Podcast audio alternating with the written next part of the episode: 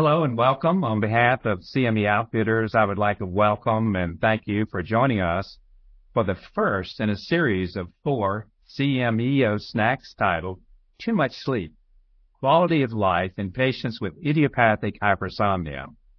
This CMEO snack series is supported by an independent medical education grant from Jazz Pharmaceuticals. I'm Dr. Richard Bogan, Associate Clinical Professor at the University of South Carolina Medical School in Columbia, South Carolina, Medical University of South Carolina in Charleston, South Carolina, and principal of Bogan Sleep Consultants LLC in Columbia, South Carolina. I'm very pleased to be joined today by a distinguished colleague and expert, Dr. Anne Marie Morse. Thank you so much for having me today, and I'm excited to be able to discuss. My name is Anne Marie Morse, and I'm Associate Professor at the Geisinger Commonwealth School of Medicine. I also am the director of the Child Neurology and Pediatric Sleep Medicine program at Geisinger Janet Weis Children's Hospital in Danville, Pennsylvania. Thank you, Anne Marie. To frame the discussion today, let me review our learning objective. Our goal is that after this CME snack, you'll be able to characterize the impact of IH and its symptoms on the quality of life and functioning of patients and their families. So let's start off our program by looking at what patients may be reporting to you in your patient visits. Oftentimes, their descriptions can be indicative of idiopathic hypersomnia.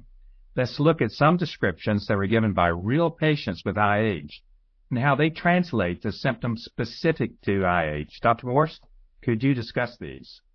Sure. So I think it's really interesting, and even some of the word selection that the patients were represented by this picture are are demonstrating. So very frequently when we're thinking about sleep in the medical community, we sometimes will refer to the work by like Clifford Saper out of Harvard, where he describes sleep and wake relationship as a flip-flop switch. And here we have Shelley describing, I can't turn my sleep switch off. She's 100% correct. Mm-hmm. People who have idiopathic hypersomnia frequently describe their excessive daytime sleepiness by be, by this overwhelming feeling of always wanting to have more sleep, no matter what they get. It's almost an insatiable need for sleep. There also is this feeling of that there's not a period of time where they can feel refreshed, which sometimes is a distinguishing factor from patients who have narcolepsy, where they will sometimes describe, a person with narcolepsy will describe, I take a nap and there's this temporary cessation of, I feel normal. I feel as though I don't have a sleep disorder. There also are other symptoms that seem to be even greater than the excessive daytime sleepiness, such as brain fog or cognitive impairment, where Robin describes here that she feels as though that normal, typical functioning is a task.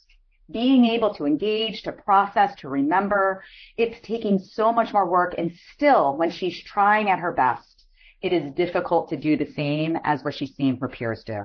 And then finally, a symptom that I think many of us refer to as one that seems to be quite characteristic of idiopathic hypersomnia, although there are some patients with narcolepsy who also describe it, which is sleep inertia. This is where I just feel as though that I cannot wake up no matter how hard I try. The alarm goes off, it takes me a million snoozes, and despite that, it's still a challenge. And in its extreme form, sleep inertia can also be referred to as sleep drunkenness where it's very appropriately termed because it almost looks like a person is intoxicated, being discoordinated, combative, not making any sense.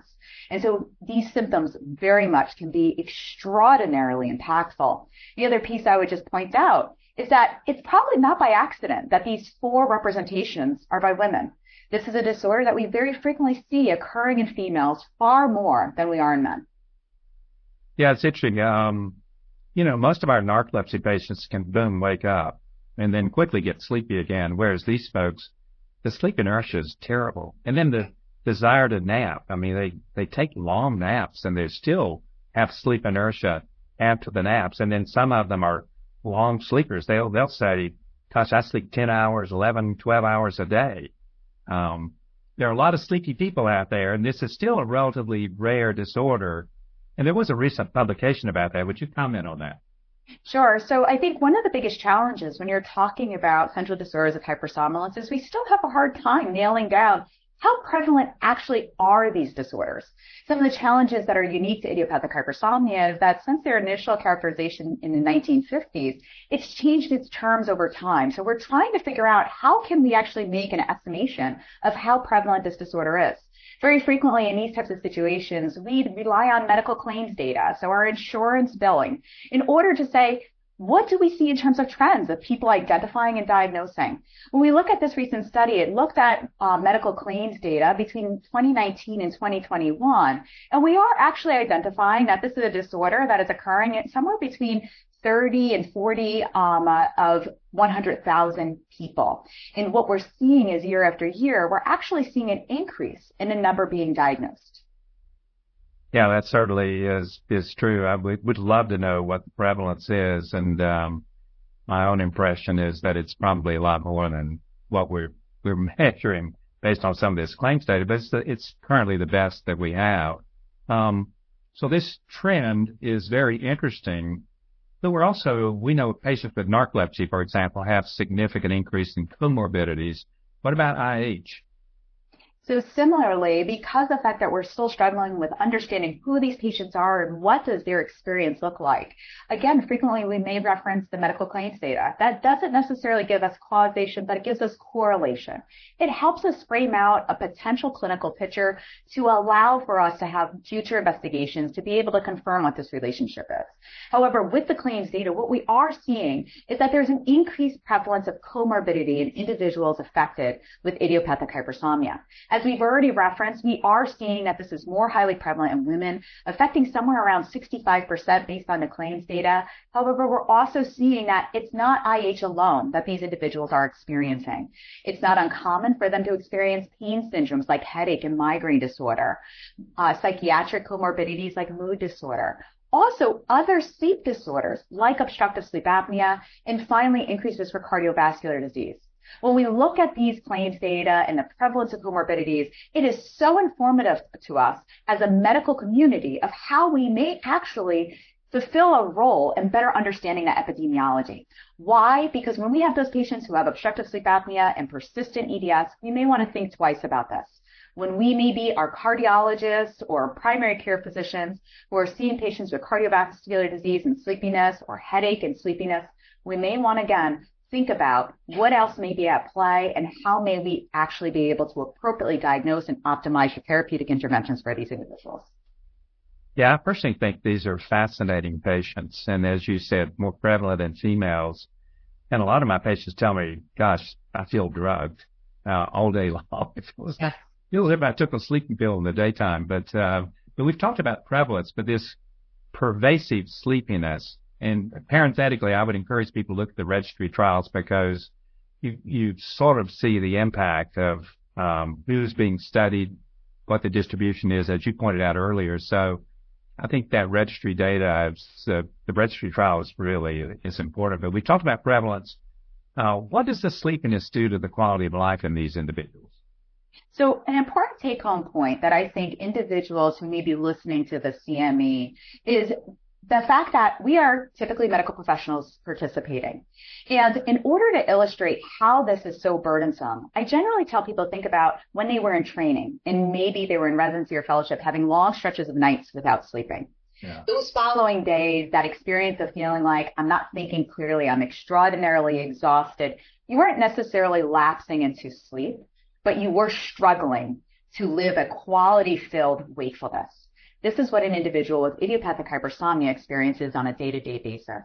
And when we look at studies like the ARISE study, we see that this is exactly what we're hearing from patients. They're having impaired quality of life, which is reflecting both that their social life is compromised as well as the stigma around, I look lazy or I'm not trying hard enough. And there's that stigma that is reducing that quality of life. There's definitely more severe cognitive complaints, more severe depression, and also a decrease in the ability to be present in things that they want to be. This presenteeism affects their work experience, but also their social life. They're physically at a birthday party or a, a joyful event, but they mentally and emotionally are unable to be there.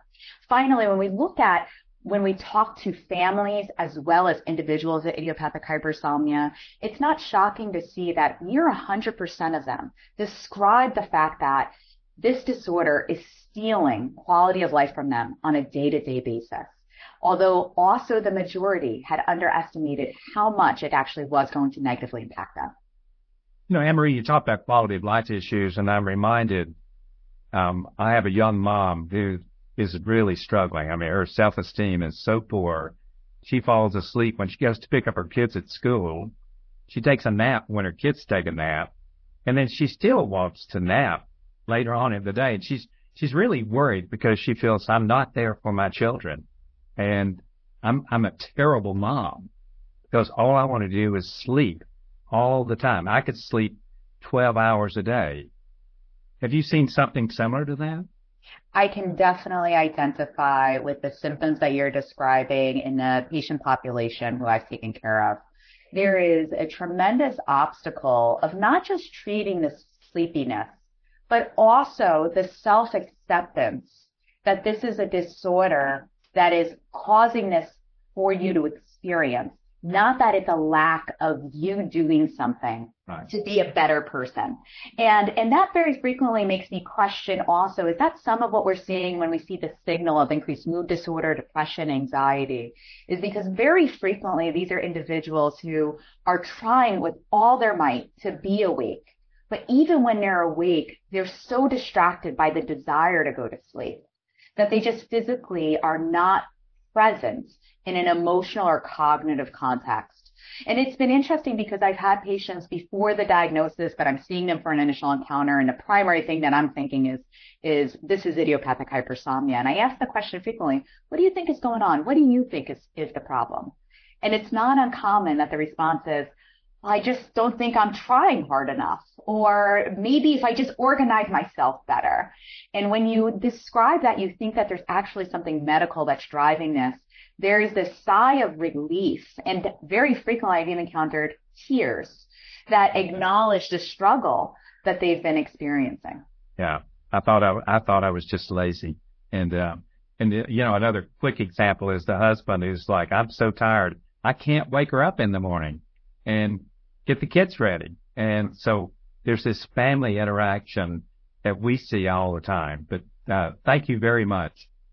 Yeah, I'm impressed by them, as you said, the self-esteem. I mean, so many of these folks have had it for a long time, undiagnosed, and they they really think that something's wrong with them from a personality perspective, and self-esteem is really a big problem.